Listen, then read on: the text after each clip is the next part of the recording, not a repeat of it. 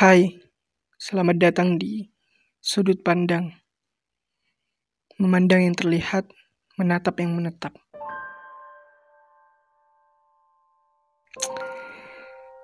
Huh. Episode pertama. Aku nggak apa-apa. Hatiku patah. Harapanku kepadamu sekarang hanya meninggalkan kecewa. Mungkin bukan salahmu. Hanya saja aku yang terlalu berharap tinggi kepadamu. Menjadikan dirimu segalanya di dunia seolah-olah tidak ada yang lebih berharga darimu. Itu adalah salahku.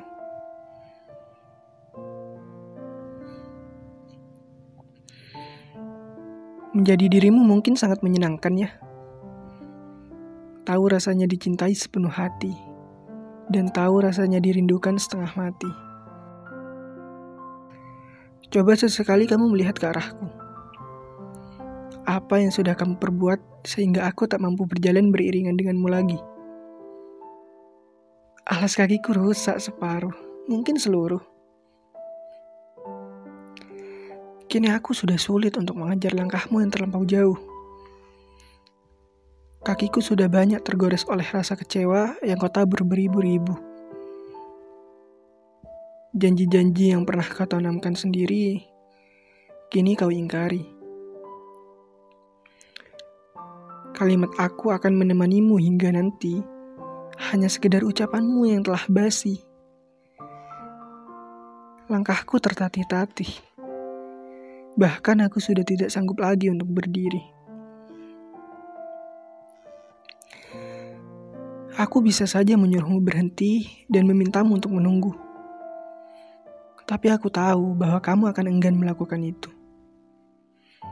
Aku tahan rasa sakit ini dengan senyum yang sempat beberapa kali aku tunjukkan kepadamu.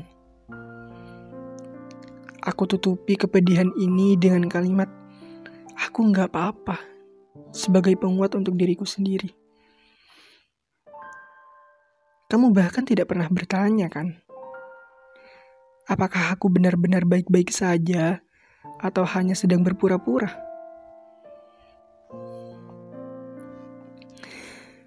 Karena apa yang aku rasakan dulu tidak sama dengan apa yang kamu rasakan. Jika kamu merasakan baik-baik saja setelah memutuskan untuk tidak lagi mengenalku, aku adalah kebalikannya.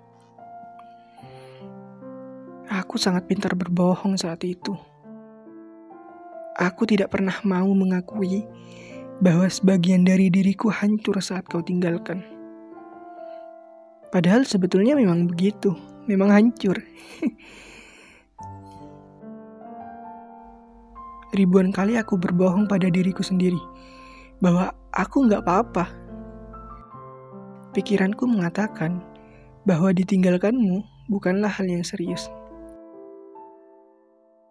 Dia hanya manusia. Kau masih bisa memilih lagi manusia yang lainnya. Otakku berkata seperti itu. Aku menjadi sedikit egois bahwa aku sangat tidak keberatan kehilanganmu. Aku diperbudak oleh perasaanku sendiri. Aku dipermainkan oleh nalarku yang seolah-olah aku akan menemukan penggantimu secepatnya.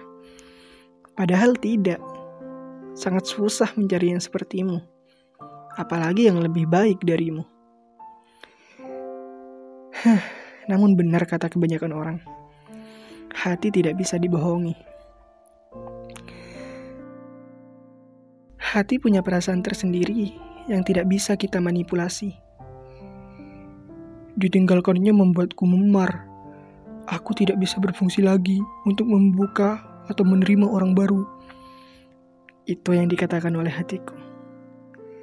Sangat bertentangan, bukan?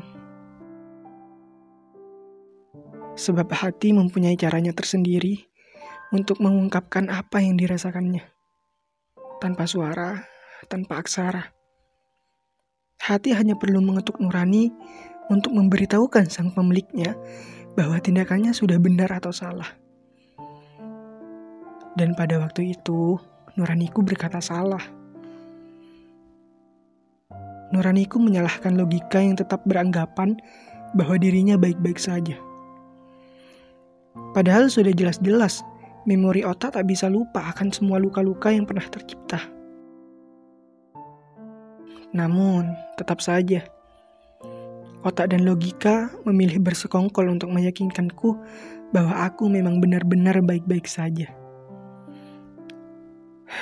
Sampai pada akhirnya, aku mengikuti apa yang dikatakan oleh otakku. Aku menuruti semua yang dikatakan logika kepadaku. Aku menutup rapat telingaku untuk tidak mendengar celotehan hati dan nuraniku.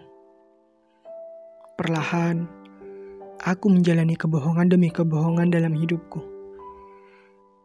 Berbohong bahwa aku baik-baik saja saat tidak lagi denganmu.